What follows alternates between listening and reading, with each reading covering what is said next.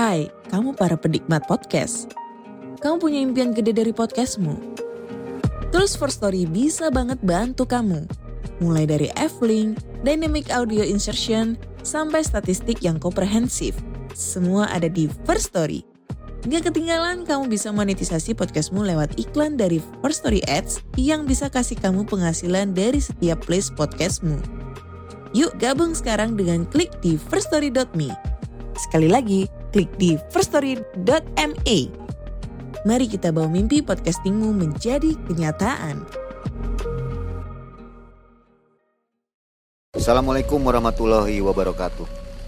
Selamat malam sobat, malam mencekam. Kita jumpa lagi di video yang akan mengulas atau menceritakan kisah-kisah nyata seseorang. Malam hari ini sudah hadir di hadapan kita. Sebagian pasti sudah kenal yang namanya Diki Batamerah. Nah, Diki Batamerah adalah seorang yang mempunyai kelebihan boleh dibilang kelebihan atau boleh dibilang keanehan ya. Hobinya itu ngemil batu bata. Nah, kenapa bisa doyan bata? Hmm, mungkin pemberian dari Tuhan ya, Tanpa disadari. tanpa disadari. Dari umur berapa? Dari balita, Dari balita eh, kisaran satu tahun lah. Sudah bisa bangun rumah nih kayaknya. Bata habisnya Eh, kayaknya kalau BAB klaster, bikin jadi klaster. jadi klaster langsung. Nah, Kang Diki ini adalah seorang TikToker juga nih Betul. yang sering explore. Namanya apa? Malah mencekam explore. Malam Mencekam Explore adalah salah satu juga produk dari Malam Mencekam ya. Betul. Tapi adanya di TikTok. TikTok. Setiap malam. Setiap malam, insya Allah. Kalau hujan, itu penelusuran ya penelusuran. ngapain penelusuran? Eh, jadi kalau saya lebih ke menguak mitos, mang. Mitos. Menguak mitos. eh, jadi kayak misalkan di desa eh, Cirebon gitu kan, ada rumah angker. Nah rumah angker itu menurut masyarakat sekitar ada sosok ini, sosok itu. Nah baru saya di situ explore. Cari hantu ya? Cari hantu boleh dikatakan cari hantu, tapi nggak pernah dapat, mang. Nggak pernah dapat. Nggak pernah dapat. Oke. Nah, jadi yang belum tahu TikToknya Kang Diki, follow-follow. Namanya Malam Pencekam Explore. Suka bagi-bagi hadiah juga ya, Suka, mang. Nih, awas ya. kaos. Kang Diki malam hari ini akan berkisah tentang kisah nyatanya.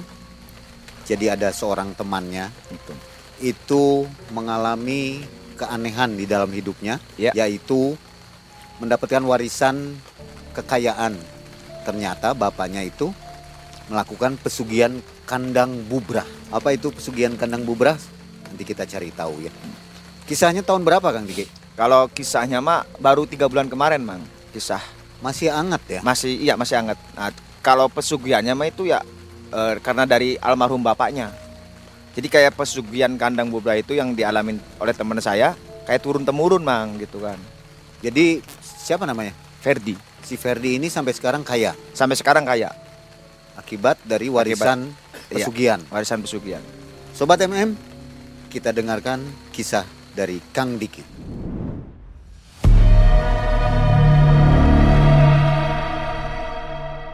Assalamualaikum warahmatullahi wabarakatuh, sobat malam mencekam. Nah, ketemu lagi nih sama saya Diki Batamerah. Kali ini saya lagi ada di Sumedang, di tengah-tengah rintik hujan. Setelah ini saya mau explore mangai.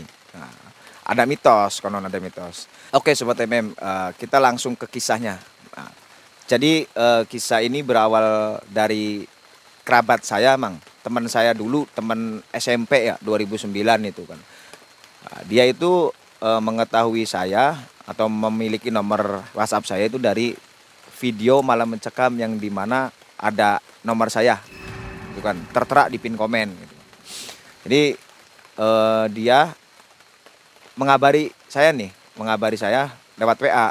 Awal-awal saya kan tidak menyangka kalau itu teman saya. Ya biasa lah namanya WhatsApp kan, P gitu kan. Pak P, Pak P kan kalau saya kan jarang gitu kan kalau nomor-nomor baru jarang saya tanggap, jarang saya respect gitu. Cuma saya lihat profilnya, lah kok ini kayak kayak kenal nih. Nah, beliau pun sama, mungkin melihat di video eh, MM itu, ih kayak teman saya nih gitu kan. Mungkin ada chemistry yang namanya dulunya kita bareng gitu kan. Nah akhirnya tiga hari itu saya baru bales, punten dengan siapa? Wah ente kayak nanya segala gitu kan. Udah lupa tak bro gitu. siapa ya? Kata saya kan. Nah dia baru mengatakan saya Ferdi gitu. Wah si Ferdi. Saya ingat-ingat lagi. Iya anaknya bos ayam nih gitu kan. Memang bapaknya itu bos ayam mang. Nah setelah itu uh, saya ingat-ingat ini Ferdi anaknya Pak Anton ya? Bos ayam? Iya iya iya betul kata dia dia dia nyuruh saya Ki main sinilah main-main gitu kan. Aduh saya sibuk nih kata saya memang saya sibuk kan mang? Kayak sekarang saya lagi ada di Sumedang. Nah minggu-minggu kemarin saya ada di kota ini gitu kan. Karena sering healing lah kalau itu kan. Nah berselang tiga hari dari uh, chattingan itu adalah transferan masuk gitu kan. Baru dia ngabarin nih SS screenshot. Oke gue udah kirim nih buat ongkos ke Brebes mau nggak mau dong akhirnya saya berangkat ke Brebes. Saya berangkat ke Brebes itu hari Sabtu. Saya di sana ngobrol ngalur ngidul akhirnya dia baru nih baru malam hari itu dia uh, nanya nanya tentang kesakit apa penyakit anaknya. Jadi si Ferdi itu anaknya dua, yang pertama laki-laki, yang kedua perempuan. Nah, yang laki-laki itu tiap malam hari selalu uh, kalau dalam ilmu dokter mah epilepsi. Kalau di kita mah ayan ya, Mang. Ayan ya kalau kita mah. Nah, uh, yang buat aneh si Ferdi itu udah keliling rumah sakit, keliling dokter spesialis, tidak ada perubahan dan dokter pun merasa uh, aneh karena apa? Yang namanya epilepsi kan bisa terjadi di siang hari, di pagi hari. Loh ini kok kalau malam hari aja tengah malam gitu kan yang kedua anak yang keduanya itu dia selalu dibodohin mang. Jadi nggak idiot tapi selalu dibodohin yang perempuan itu. Kalau jajan apa gitu ya selalu dibohongin lah sama temennya. Anak yang perempuan tuh. Dan penyakit yang aneh buat di anak perempuannya itu kalau siang kalau siang dia keluar apa ya kayak penyakit koreng.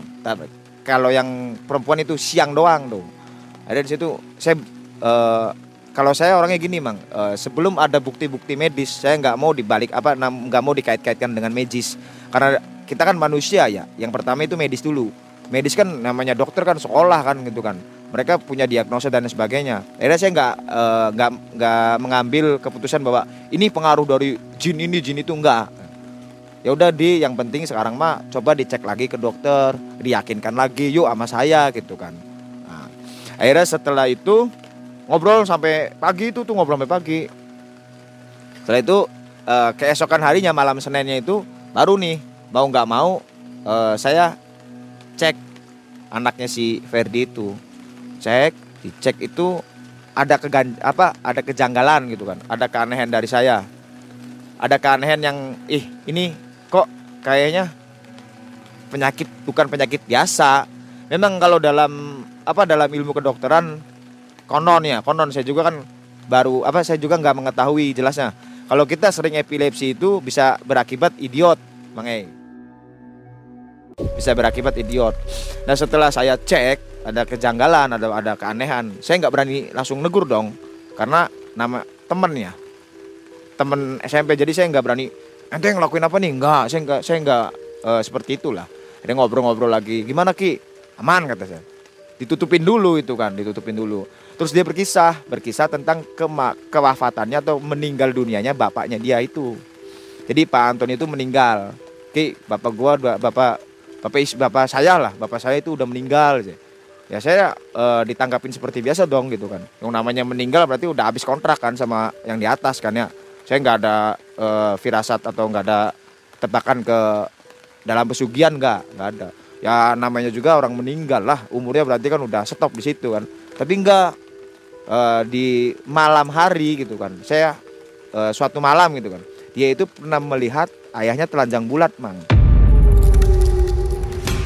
Ayahnya telanjang bulat dalam posisi mengelilingi rumah rumah rumah Pak Antonnya itu. Jadi suatu malam tuh dia ngelihat ayahnya telanjang bulat. Meninggalnya keesokan harinya setelah e, mengelilingi rumah dengan tanpa busana itu baru ada kejadian wafat gitu kan. Nah, saya diam nih diam ih ini apa ya? Saya juga mulai bertanya dalam diri saya sendiri. Saya nggak bisa mengungkapkan secara e, frontal atau secara langsung.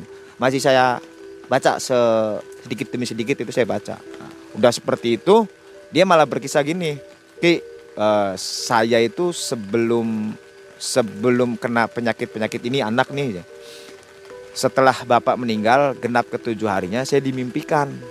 Hmm, mimpikan apa? Di saya itu dimimpikan selalu didatangi kalau versi Verdi ya didatangi uh, wanita berpakaian kayak kerajaan. Setelah dia mimpi didatangi ratu dia itu cerita cerita atau curhat sama ibunya karena ibunya itu masih hidup. Lalu uh, kata ibunya oh iya di uh, mamah masih megang nomor guru spiritual babe babe gitu kan.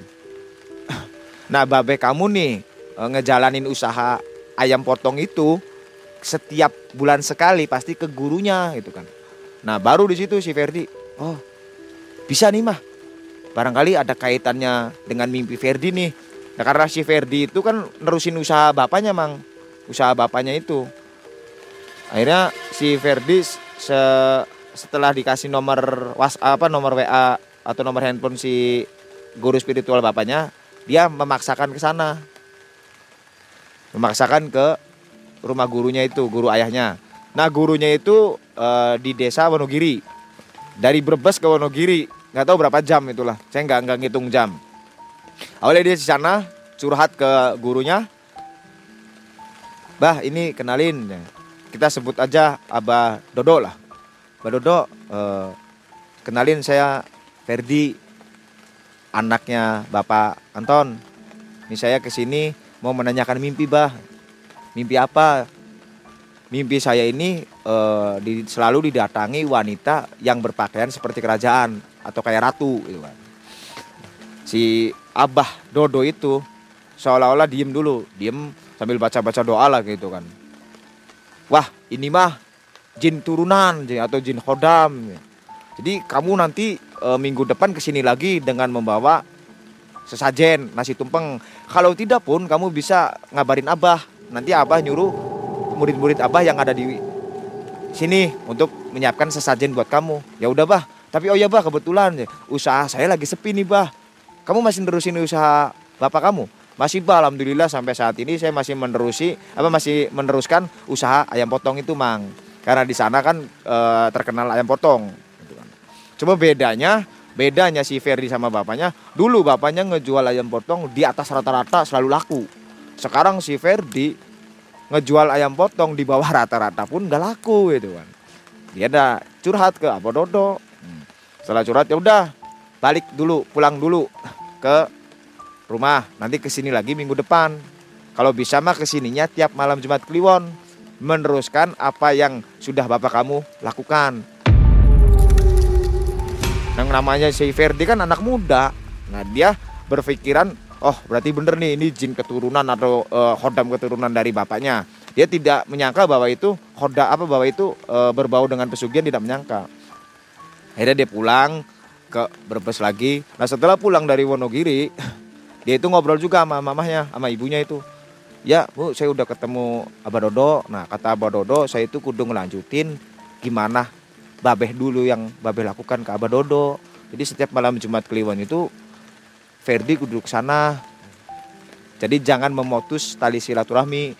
Dan kata Abah Dodo, ratu yang selalu masuk di dalam mimpi Ferdi itu masih keturunan mah keturunan dari Babeh gitu kan. Itu pengakuan si Abah Dodonya itu.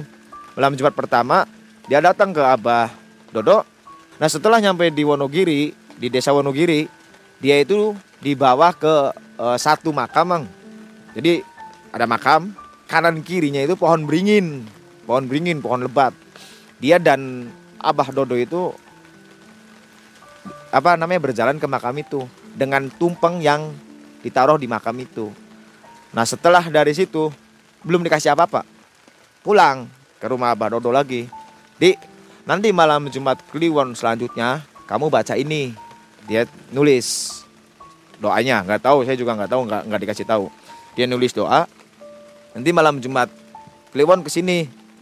Sebelum kamu ke sini, kamu nyiapin e, berarti kalau nggak salah ya empat kali enam apa empat kali empat lah. Jadi uh, satu lembar kain merah mang sebelum dia berangkat ke Wonogiri dia memuterin atap rumahnya itu plafon pakai kain merah itu baru kamu ke sini oke siap bah nanti doa ini kamu nggak usah hafalin. Kalau kamu di sini aja dibaca nggak apa-apa. Akhirnya dia pulang. Pulang ke rumah ke Brebes lagi. Setelah itu datanglah malam Jumat yang kedua. Malam Jumat Kliwon yang kedua. Berarti bulan depan. Dengan pesan seperti biasa tumpeng. Total tumpengnya itu kalau dirupiahkan mang e, kisaran kurang lebih 300 sampai 400 ribu. Karena ada ayam dan lain sebagainya tujuh kembang tujuh rupa telur gitu kan. Tumpengnya game mewah lah nah sampailah dia di sana di rumah Abah Dodo.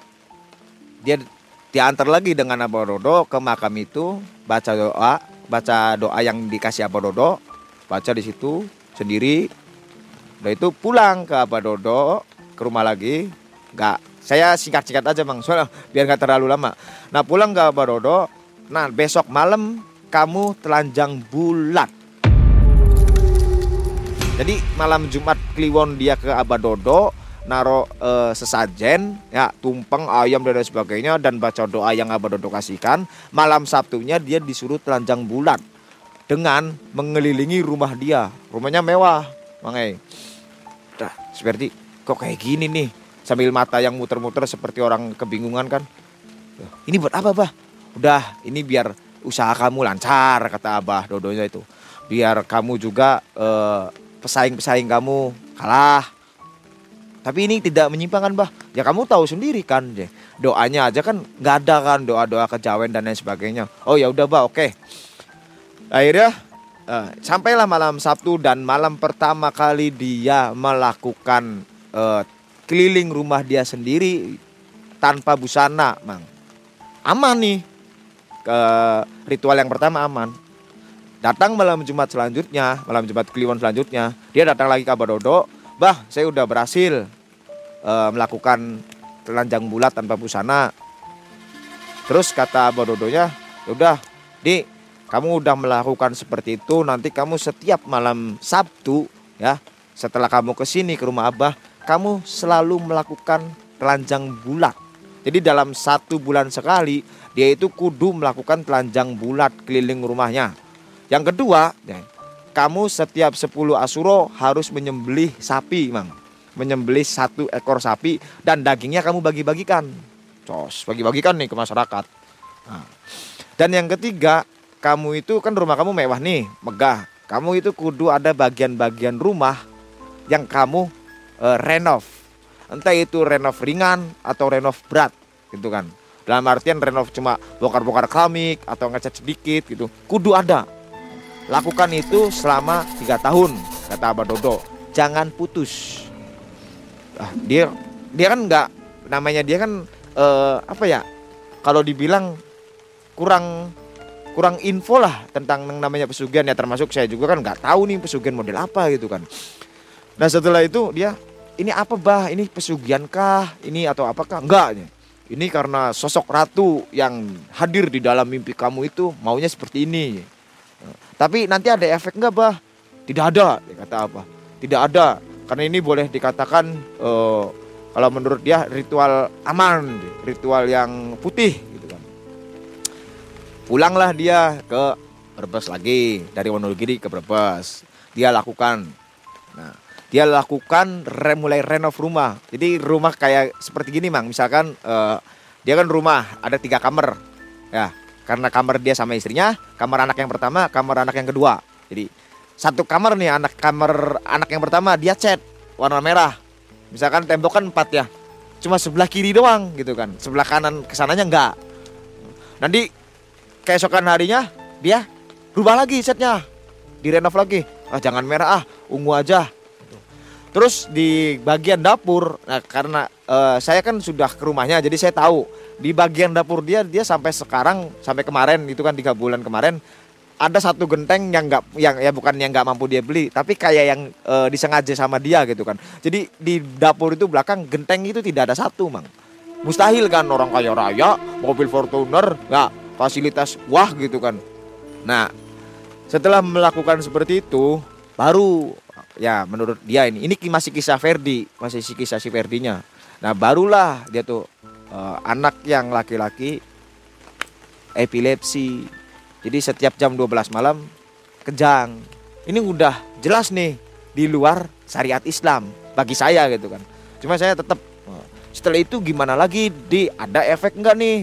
Ada efek dalam artian eh, dari usaha lu nih ada efek yang enggak ada dampak yang enggak ya alhamdulillah katanya. Kalau dari usaha mah wah sih eh, ayam saya naik sedikit demi sedikit naik. Cuma yang bikin saya aneh gitu kan usaha saya oke harta saya banyak. Tapi kenapa saya tidak eh, bisa merasakan kenikmatan gitu mang? Kenikmatan dari makan nih mang.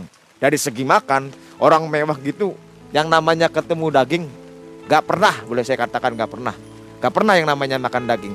Paling makan empe tahu sayur mayur jadi saya bilang iya ya kaya raya tapi tidak menikmati apa kekayaan dia itu tuh hasilnya gitu kan. Jadi kayak yang eh, nggak nafsu gitulah mang. Dari segi makanan sehari-hari aja. Kemudian dari eh, ritual-ritual yang dia lakukan dia itu eh, baru nih baru yang namanya eh, mengalami satu keanehan.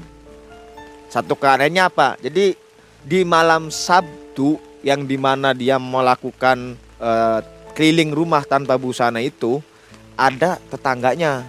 Ini pengakuan si Ferdinya. Jadi tetangganya, tetangganya itu ngelihat, ngelihat si Ferdi. Akhirnya eh, nyapa tuh tetangga, "Di, lu lagi apa?" gitu kan. Nah, si Ferdi pun, "Ah, ketahuan nih." gitu. Gimana nih? Tapi dia lanjut aja. "Eh, biasa ya."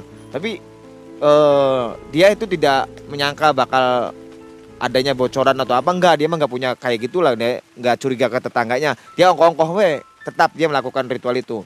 Nah setelah pagi harinya hari Sabtunya tetangga yang melihat dia itu sakit. Tapi sakit seperti biasa sakit biasa. Nggak ada sampai kematian nggak nggak sampai meninggal gitu kan. Sakit. Jadi di situ tuh ya Allah kok jadi kayak gini saya? Ada tetangga yang mengetahui saya keliling rumah telanjang bulat kok malah sakit akhirnya dia kan yang namanya tetangga dia nengok nengok.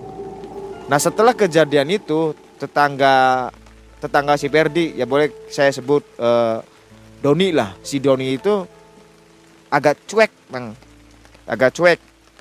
Agak cuek ke Ferdi. Jadi disapa ya dia agak apa ya namanya agak males lah disapa sama si Ferdi itu. Kan Don diem aja diem. Eh ya udah. Yang dulunya selalu apa supel si Doni. Sekarang malah dia udah pakem. Setelah kejadian mengetahui si Ferdi keliling keliling tanpa busana dan sakit itu udah dari situ mulai. Nah setelah kisah ritual yang seperti itu baru eh, saya masuk sedikit demi sedikit di apa spiritualnya si Ferdi itu. Nah si Ferdi pun akhirnya gimana dik? Kejadiannya kok kayak gini. Ya lu gimana? Mau maunya gimana nih? Mau diputus eh, ritual itu atau mau dilanjut? Di tengah-tengah perbincangan itu kan baru istrinya istrinya baru nimbrung. Istrinya baru nimbrung tuh. Eh kenalin. Mah ya kata si Ferdinya ini temen papa dulu. Kenalin. Istrinya mah apa islami banget mang eh? Islami banget gitu kan. Cuma yang saya lihat itu yang di yang saya lihat ke istrinya itu banyak beban yang terpendam. Lalu setelah kita kumpul-kumpul sama istrinya nimbrung, istrinya masuk kamar, dia balik lagi gimana kehidupan saya ke depannya seperti apa. Nih yang dialamin anak saya dua-duanya apa Niki? Ente mau tahu tak kata saya. Ente mau tahu kenapa anak ente sakitnya aneh-aneh? Ya saya mau tahu. Serius, serius. Ya wes ngopi dulu, kita cari warung kopi lah dari warung kopi ngobrol-ngobrol sampai di warung kopi itu anak ente tuh eh, mau jadi tumbal. Tumbal dari mana? Kata dia. Apa tumbal dari peril- apa ritual-ritual saya yang kemarin tah? Kata dia tuh. Bisa jadi katanya saya kan nggak mau menjas. Tidak mau apa mengatakan bahwa ritual dia salah meskipun dalam hati kecil saya wah ini udah di luar syariat Islam nih ritual karena telanjang bulat kan bisa jadi kata saya Ya, setelah selesai ngopi-ngopi itu pulang lah kita pulang nih pulang pagi pulang pagi saya istirahat keesokan harinya nih saya kayak yang eh, jadi apa ya rumah memang besar. Tapi saya nyari pintu keluar rumahnya si Ferdi nggak bisa, Mang. Di situ saya mulai, edan keh kata saya.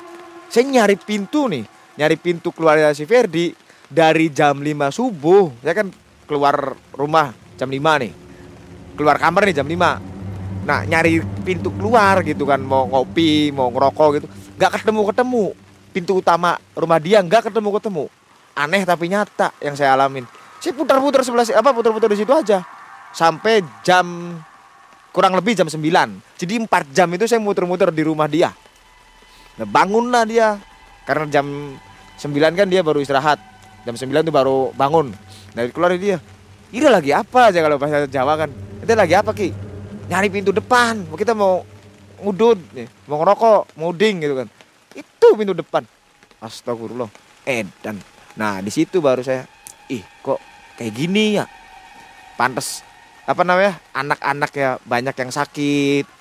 Terus keharmonisan dia nggak ada. Jadi sama istri tuh ya biasa-biasa memang. Gak ada eh, romantis-romantisnya lah. Biasa aja biasa. Ya sudah sana mandi dulu sih. Mandi emang ini jam berapa? Saya nggak nyangka itu 4 jam. Ini jam 9 dul. Cik. Jam 9. Saya lihat la ilaha illallah jam 9. Jadi 4 jam saya itu kayak yang di apa ya? Jadi apa kalau bahasa Jawa mah kena oyot mingmang. Jadi di rumah dia itu puter-puter puter-puter. Itu pas di depan rumah dia kan di halaman ruang TV itu kan ada kain merah tuh mang. Kain merah yang di mana dia selalu eh, pasang kalau ritual ke Abah Dodo Tea, Abah Dodo itu. Kira saya, "Dih, ini kain apa ini? Wah, kayaknya kain ini nih yang biasa dia pakai kalau berangkat ke Desa Wonogiri. Ya saya mandi apa, baru saya keluar rumah dia kan di halaman. Ya memang megah. Kalau saya ngelihat anak buahnya, anak buah usaha dia, dia kan usaha ayam potong balik lagi. Usaha ayam potong itu dia punya anak buah itu lima mang. Dan dia itu cukup moral, cukup apa loyal. Ke anak buah itu nggak pelit. Tapi tidak ada kejadian aneh yang dialami oleh anak buah itu. Tidak ada namanya tabrakan mobil, tidak ada. Nah, saya kan ngobrol sama uh, karyawan-karyawannya tanpa saya sadarin, Mang. Jadi di depan rumah dia itu di gerbang badan kaki normal, hitam. Cuma mukanya itu berantakan. Saya, ih, manusia nih kayaknya nih. Kayaknya ya, saya ngeliat soalnya nggak nggak ngeh ke bangsa jin gitu kan. Itu, apa nih? Cih. Tapi mukanya itu apa ya? Nggak beraturan, Mang. Nggak beraturan jadi nggak kayak manusia bawa mata di atas, enggak. Jadi matanya di sini, hidungnya di mana gitu kan. Dengan eh, rambut yang riwok. Tapi posisinya dia eh, tingginya itu ya kayak kita orang kayak manusia biasa. Ih, itu. Wah. Kok kayak gini sih? Nah, setelah itu baru saya wah, merinding. Saya ngeliat lagi udah nggak ada. Dah, saya saya tanggapin seperti biasa. Ah, paling juga jin liar gitu kan. Hantu liar atau hantu lagi main atau mungkin sisa-sisa saya pas explore ikut main ke Brebes kan kemungkinan banyak. Udahlah ya. Malam nih. Jadi kayak yang apa ya? Saya juga merasakan keanehan di si Ferdinya itu. Setelah dia berkisah curhat tentang ritual-ritual yang dia lakukan, ya.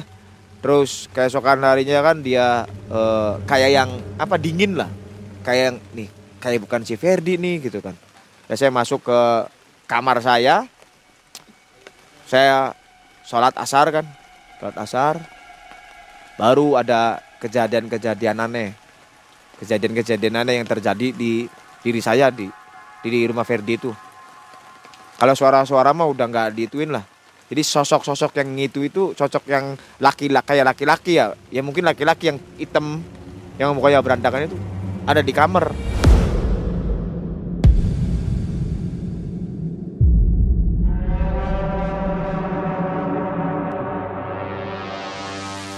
Udah ente, kalau bahasa saya itunya bahasa Indonesia, udah kamu jangan ikut-ikutan. Ini urusan eh, Ferdi dan saya. Karena dia sudah perjanjian dari bapaknya. Jadi eh, pesugihan ini boleh dikatakan turun temurun, Mang. Dari bapaknya diturunkan ke si Ferdi itu. Saya kan diem, saya diem. Nggak, nggak, nggak melawan dulu, nggak. Nggak ada perlawanan.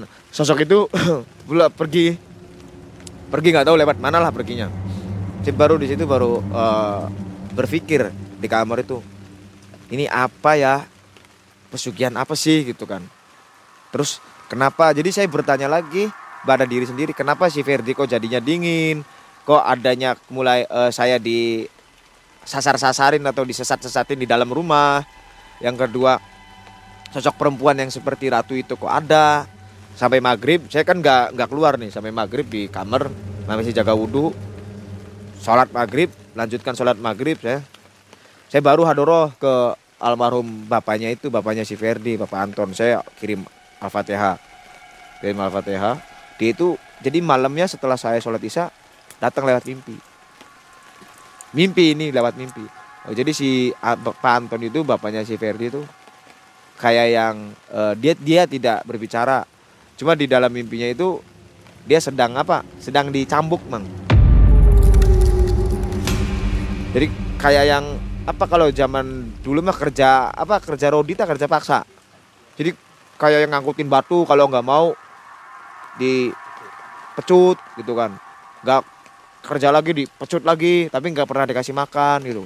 Saya ngeliat wah ini namanya luka lebam-lebam semua. Ih, kok Pak Anton? Saya. Bangun jam setengah satu pagi. Nah saya baru inget ternyata malam itu tuh malam uh, Sabtu nah malam Sabtu itu dia tanjang keliling rumah saya kan masih di situ nih bangun setengah satu saya lihat lah kok si Ferdi lagi keliling. Ini orang katanya mau putus, tapi masih melakukan keliling tanpa busana. Akhirnya saya beranikan diri dong. Beranikan diri saya buka pintu kayak seolah-olah saya apa ya? Jadi ada benturan lah. Jadi tabrakan itu kayak yang nyata padahal nggak ada apa-apa. Saya buka pintu mau keluar dua gitu. Mendal lagi ke belakang. Edan katanya. Nah, baru di situ baru saya baca doa lah. Bismillahirrahmanirrahim. Ya doa yang saya pakai. Terus baru alhamdulillah bisa keluar. Jadi kayak yang di pagar. Si kamar saya itu kayak yang di pagar saya nggak bisa keluar. Akhirnya saya bisa keluar melihat si Perdi saya tembung di situ. Woi! Dia kaget Edan sih kagetin aja Awas kamu jangan nyapa saya sih. Kalau kamu menyapa saya terus mengetahui saya lagi ritual, kamu bisa sakit, kata si Ferdinya. Beli kata saya. Saya nggak takut. Katanya ente mau sembuh mau sehat. Kemarin malam Jumat Kliwon ente udah nggak ke desa Wonogiri. Sekarang malam Sabtu kenapa ente ngelakuin ritual seperti itu kata saya. Pakai baju ente. Jadi cekcokan saya itu saya tahu di belakang si Ferdi itu bukan Ferdi lah bukan si Ferdi yang sesungguhnya. Jadi kayak yang dipengaruhi oleh bangsa jin itu. Jadi cekcokan itu uh, istrinya mendengar. Jadi istrinya keluar ada apa aja? Istrinya kaget kan. Bengong kan. Dengan apa ya wajar kaget lah gimana lah bengong shock lah gitu. Baru netesin air mata tuh. Netesin air mata. Nah dia mau mukul nih mau mukul saya si e, bangsa jin yang masuk ke Verdi itu. Mau mukul saya mau ini mah ngelawannya udah secara fisik mang bukan secara goib-goiban lagi nih secara fisik. Jadi e, si Verdi itu udah dikuasain bangsa jin nah dia nggak terima langsung mau mukul saya. Memukul saya tanpa dia sadari dan tanpa saya sadari juga dia mukul nih nggak kena tapi dia malah jatuh tersungkur. Berat gitu kan. Tap lah saya yang namanya teman kan sama istrinya. Udah mbak tolong ambilin baju ambilin busana buat si Ferdi sarung sama baju koko aja dulu sarung sama baju koko diambilin sama istrinya tuh sambil nangis nangis dipakein sama istri pakein kata saya istri yang makein wah itu namanya mau dipakai mau dipakein sarung sama baju koko merontah-merontah. Kenapa saya milih sarung? Karena simple, Mang. Coba kalau celana lepis atau celana jeans ya, kolor, kan masukin kaki satu-satu. Sarung mau burungkus gitu kan, masukin sep dua kaki, ikat kan gitu kan. Yang penting simple dulu. Wah, dia meronta-ronta. Tapi yang bikin anehnya kenapa nggak mukul istrinya gitu kan? Jangan, nggak mau, saya nggak mau. Nggak mau, pakai bahasa Jawa sana lah. Apa ya kalau itu? Rausa, rausa lah gitu kan sampai logat yang Jawa Timuran. Gak usah gak usah. Tapi dia ngejar saya lagi. Kamu kenapa ikut campur? Ini udah apa namanya uh, kalau bahasa apa bahasa sekarang ini udah tekan kontrak sama saya. Ini sudah membuat perjanjian sama saya kamu nggak usah ikut ikutan kamu pulang sana aja. Kata si Ferdinya itu dalam pengaruh uh, bangsa jin itu. Saya nggak ikut ikutan kata saya. Cuma uh, ini kan teman saya. Saya nggak nggak terbawa emosi atau nggak tersulut dengan ucapan-ucapan dia. Karena uh, saya tahu itu si bukan si Ferdi. Mau nggak mau saya paksa. Saya paksa keluar akhirnya. Seperti biasa kan. Saya ajar pakai doa dia nyerang saya ajar dengan Bismillahirrahmanirrahim billah pat dia langsung beg pingsan baru disarungin sama istrinya dipakein baju koko ternyata nggak apa saya nggak sadari dari jam setengah satu sampai jam tiga lebih 15 menit kan anak gua ada yang udah dateng Kenapa? Kenapa? Jika kejadian apa? Mas, itu gotongin dulu tuh bos kamu. Apa? Pingsan. Tadi habis kepleset kata saya gitu kan. Akhirnya digotong tuh sama anak buahnya bawa masuk di kamar. Baru istrinya tuh keluar tes keluar di kamar. Kenapa gak ditemenin, Mbak? Kita uh, panggil aja Mbak inilah. Jangan disamain sama orang. Nah, panggil Mbak ini.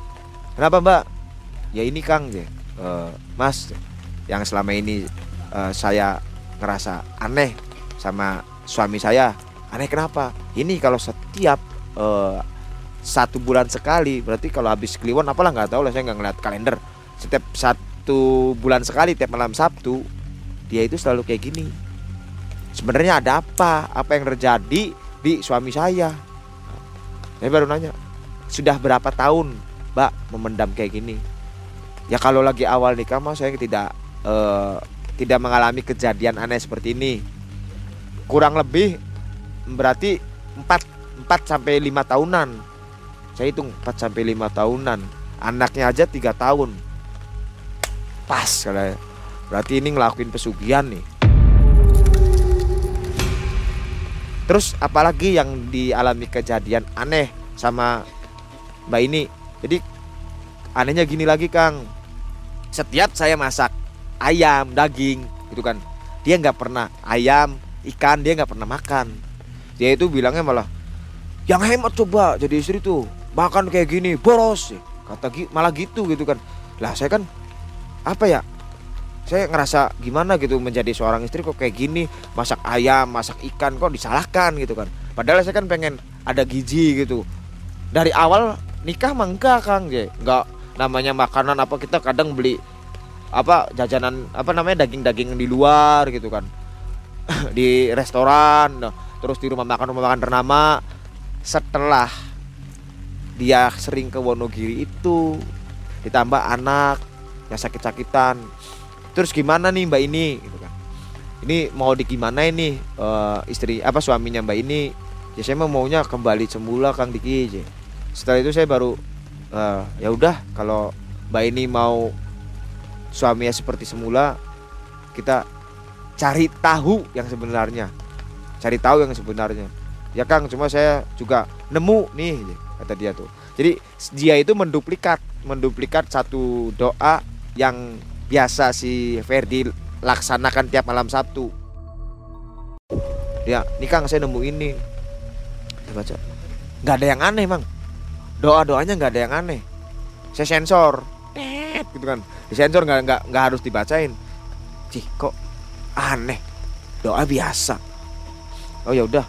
Nah ini nih apa? Kata dia tuh nah, di situ uh, tertulis apa namanya uh, nggak ada pesugihan sih kandang bubrah.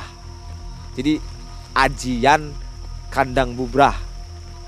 Ajian kandang bubrah di atasnya nih mang. Tapi di sininya ya kayak Al-Quran ayat-ayat itulah. Ayat-ayat ya mungkin doa-doa yang doa-doa Islam tapi dikait-kaitkan dengan kejawen ya kurang tahu saya juga kononnya versinya seperti itulah gitu kan. Dia bangun jam uh, eh, 9 pagi. Dia bangun jam 9 pagi seperti dengan lemas dan wajah yang kusem gitu kan. Tapi masih kayak ada pengaruh-pengaruh yang uh, merasuk ke tubuhnya dia. Dia masih pandangan masih merong. Kalau ngelihat saya itu masih yang kayak uh, ngajak berantem. Ini saya kenapa ini? Akhirnya saya nggak apa namanya nggak main-main lah kalau kayak gini mah udah mulai wah bahaya nih dan saya ngabarin guru saya dulu via via telepon pas saya telepon uh, guru saya ternyata teman kamu itu melakukan pesugihan kandang bubrah. Wah, kandang bubrah. PR anyar nih kata saya. Karena saya belum ngalamin pesugihan-pesugihan yang kandang bubrah, kandang kebo, kandang jangkrik, yang kandang-kandangan saya nggak ngerti, Mang. Jadi nggak tahu kandang bubrah itu apa. Saya pelajarin kandang bubrah itu apa, apa ya. Setelah itu si Perdi teriak-teriak tuh, Mang di kamar. Wah, wah gitu kan. Sambil apa mukul-mukulin apa dinding, tembok. Wah, wah gitu kan. Posisi kamar itu dikunci sama istrinya.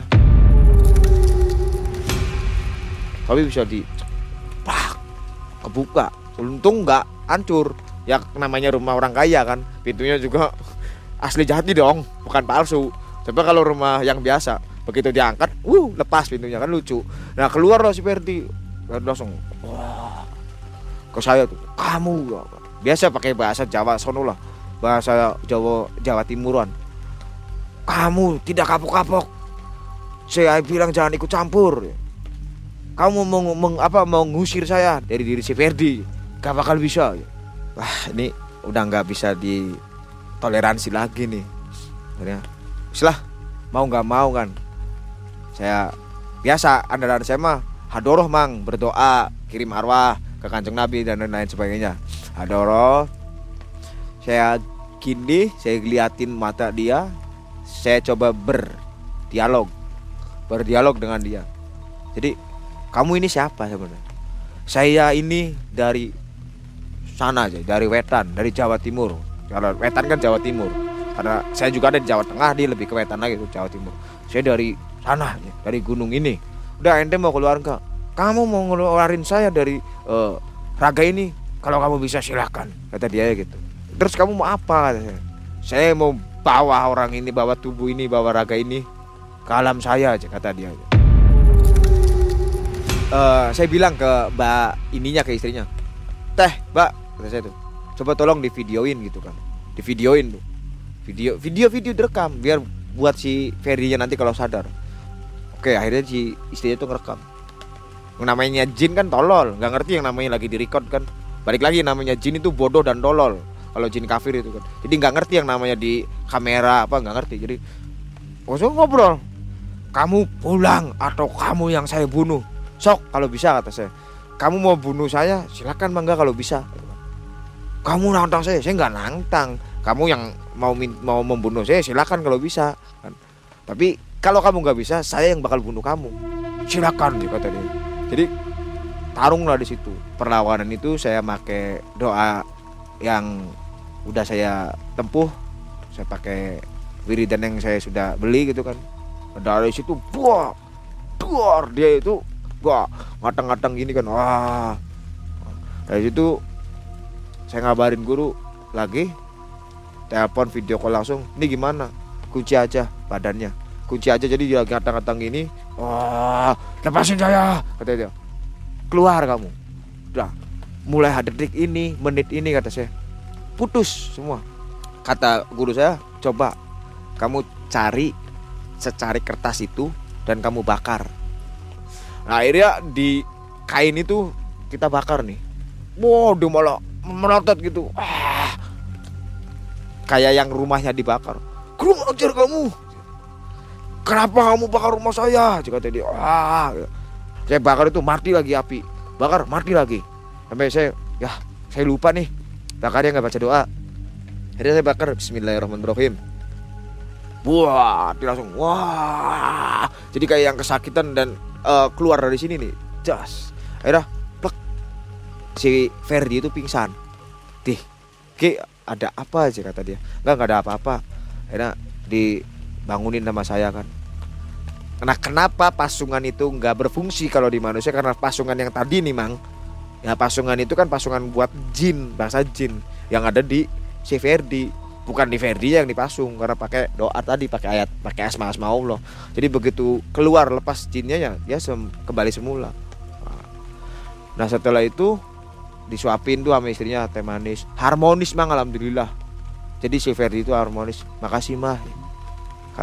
Istrinya juga uh, menangis sambil berkaca-kaca. Saya baru dengar lagi namanya papa manggil saya mama papa itu baru kali ini dan hari ini manggil saya mamah. Kemarin-kemarin ke mana aja kata saya udah mbak ini nanti dulu kata saya nanti dulu diem. Jangan uh, nambah beban dulu diem ya dulu diem kata saya kan oke oke aja jadi istrinya cuma menangis. Kenapa nangis mah aja nggak apa-apa kelilipan kata istrinya tuh sambil diusap-usap pakai kerudung itu kan. Istrinya mah islami mang. Islami istrinya kerudungan baik. Apalagi ada tamu kan laki-laki. Ya kan laki-laki bukan mahromnya gitu kan. Bukan muhrim mahrom bukan mahromnya jadi dia pakai kerudung terus. Nah setelah itu uh, si Ferry ya udah agak mending nih, udah agak sehat, udah ada tenaganya masuk bubur apa. Akhirnya ditunjukin lah video sama si istrinya tuh. Gini gini. Kayaknya sambil uh, berkaca-kaca aja. Ya Ki, saya uh, mengakui, saya mau uh, mengakui apa yang saya perbuat itu. Jadi ternyata saya telah dikelabui oleh guru spiritual almarhum ayah saya si Abarodo itu ternyata saya itu e, disuruh melakukan ritual yang di luar syariat Islam dalam arti saya itu e, pesugihan kandang bubrah. Kandang bubrah itu apa? Kata saya kan. Kalau menurut daerah Jawa sana kandang bubrah itu kandang artinya tempat tinggal. Ya bubrah atau bubrah itu renovasi atau burak lah runtuh gitu kan. Jadi saya itu harus melakukan renovasi rumah. Renovasi rumah entah renovasi ringan atau apa berat gitu kan. Ditambah saya harus e, tiap malam Jumat Kliwon saya harus menyerahkan tumpeng ke makam keramat. Ya ente bolehlah gitu kan. Lihat-lihat di zaman sekarang kan Google. Lihat-lihat di Google lah di situ ada berita-berita yang pesugihan tentang kandang bubrah juga gitu kan. Dan tolong nih uh, tolong sampaikan kisah saya ke malam mencekam kata dia. Dan saya juga berpesan nih Ki. Pesan nitip pesan buat ente ke uh, subscriber atau penonton-penonton atau penikmat video malam mencekam buat uh, yang nonton video ini gitu. jangan sekali-kali kata dia. Terjun ke dalam pesugihan. Kebanyakan orang mengetahui bahwa kandang bubra itu pesugihan putih. Yang namanya pesugihan ki di mana di mana dan di mana tempatnya, bagaimanapun bentuknya, bagaimanapun ritualnya, tetap yang namanya pesugihan itu hitam. Kata dia gitu kan. Itu pesan dia ke saya gitu kan. Dan akhirnya saya berani mengisahkan di MM Mang karena e, atas kemauan dia sendiri. Dia itu e, ngasih pesan-pesan ke saya seperti itu Mang ya kemarin minggu kemarin lah lewat telepon. Nah, setelah itu Ki uh, karyawan saya beberapa karyawan saya itu keluar kan karyawan dia lima yang keluar dua mang keluar itu yang yang keluar itu yang pertama bawa kabur duit.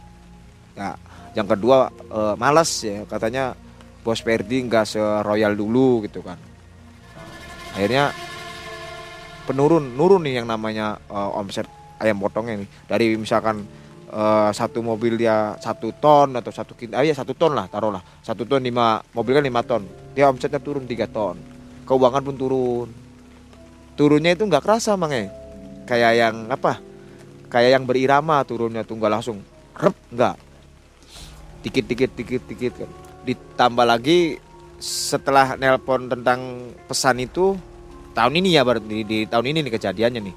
Uh, kemarin berarti satu hari kemarin lah sebelum saya ke Sumedang itu dia ngabarin lagi kan? Ngabarin lagi itu uh, jadi alhamdulillah meskipun ekonomi saya sekarang berkurang anak saya yang terdiagnosa epilepsi itu sedikit-sedikit ada kesembuhan jadi ada perbaikan.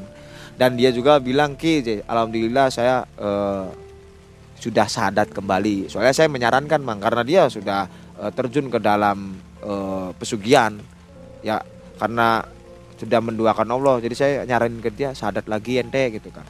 Jadi dia itu sadat kembali nah seperti itu kisahnya sobat MM kandang bubrah artinya iya. orang yang melakukan hal tersebut rumahnya harus selalu direnovasi iya kalau ada orang-orang rumahnya sering dibongkar pasang renovasi sudah bisa dipastikan dia kandang bubrah?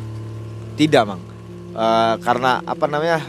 Kalau iya memang kalau artinya kandang bubrah mah, kandang kan rumah, bubrah itu renovasi ya atau perbaikan. Nah, Kalau ada tetangga kita yang eh, renovasi rumahnya tiap hari, eh, tiap hari, tiap bulan satu bulan sekali itu tidak bisa di kita fondis kandang bubrah karena kandang bubrah itu ada eh, persembahannya juga, mang. Itu berapa lama jangka waktunya? Jangka waktu dalam artian apanya nih? Renovnya. Renovnya bebas gitu kan. Yang penting dalam tiga tahun itu dia nggak boleh lepas yang namanya renovasi rumah. Entah itu eh, misalkan rumah saya nih, eh, yang sebelah kiri di keramik, yang sebelah kanan masih peluran. Nah, ri- ringan boleh, berat boleh gitu kan. Yang harus ada- terlihat dari luar. Ya, Harus, terlihat dari, oleh orang. Iya, terlihat dari orang. Jadi nggak boleh dalamnya saja. Nggak boleh. Renovasinya itu nggak sempurna ya. Iya, nggak sempurna betul, tanggung. Tetangga-tetangga si Ferdi ini sudah tahu. Tidak ada yang menyangka awalnya. Dan ada yang mengetahui ritualnya kan langsung jatuh sakit gitu kan. Dan tidak ada prasangka ke situ karena kandang bubra itu pesugihan yang boleh dikatakan rapi. Salah satu syaratnya harus telanjang, betul? Iya, salah satu syaratnya harus telanjang. Itu malam atau siang-siang? Malam. Jadi malam Jumat Kliwon dia datang ke guru apa ke makam keramat itu dengan membawa tumpeng Mang ya. Tumpeng yang totalnya 500 lah, 300 sampai 500. Nah, malam Sabtunya dia melakukan eh, ritual tanpa busana dan mengelilingi rumahnya. Kapan terakhir ketemu dengan Ferdi? Eh, kalau ketemu mah tiga bulan kemarin, cuma kemarin-kemarin dia masih ada kontak kan makanya saya biar berani membawakan kisahnya si Ferdi itu karena atas kemauan dia sendiri. Gimana Namanya- kondisi Ferdi saat ini? Kalau untuk ekonomi dia lebih rendah. Lebih rendah dalam artian kayak karyawan 5. Dua kan sudah tidak ada dengan bawa duit kabur apa bawa kabur duit. Dan dua mobil akhirnya mau nggak mau dong dijual. Dua mobil eh, Grand Max gitu kan. Tapi keharmonisan dia yang dulu nggak pernah manggil mama ke istrinya, anaknya yang sakit-sakitan, alhamdulillah membaik. Kandang bubrah berarti bisa diwariskan ya? Bisa. Bisa karena al- karena si Ferdi kan anak satu-satunya. Anak satu-satunya dari Pak Anton itu. Jadi pelaku yang pertama meninggal tetap saja bisa lanjut ke anaknya. bisanya diwariskan itu karena apa mang karena si Ferdi itu terboh apa tertipu oleh Mbah Dodo tadi Dilanjutkan ya. nah dia bilangnya kan ini jin turunan di. Fer Ferdi ini jin turunan kamu bagus. Karena ke versinya si Ferdi jin yang ikut dia itu ratu. Tapi kalau versinya saya yang saya lihat itu mata we acak adut. Acak adut dalam artian nggak kayak manusia di sini. Jadi ada atas satu di bawah satu. Nah, sobat malam mencekam itulah kisah yang menarik dari Kang Diki ya, yang sudah membantu temannya yang terlibat dalam pesugihan kandang bubrah. Jangan lupa untuk kepoin TikToknya Kang Diki, Ya. produk dari malam mencekam juga. Betul. Malam mencekam Explore. Explore, yang selalu nyari-nyari hantu. Iya. Oke, sampai jumpa. Saya Mang Aiden tim yang berada di Sum- Sumedang. Cuacanya cukup menyeramkan ya. cekam Hujan rintik-rintik. semakin malam semakin mencekam Dan terima kasih atas supportnya kepada kami. Malam mencekam, semakin malam semakin mencekam. Assalamualaikum warahmatullahi wabarakatuh. Waalaikumsalam warahmatullahi wabarakatuh.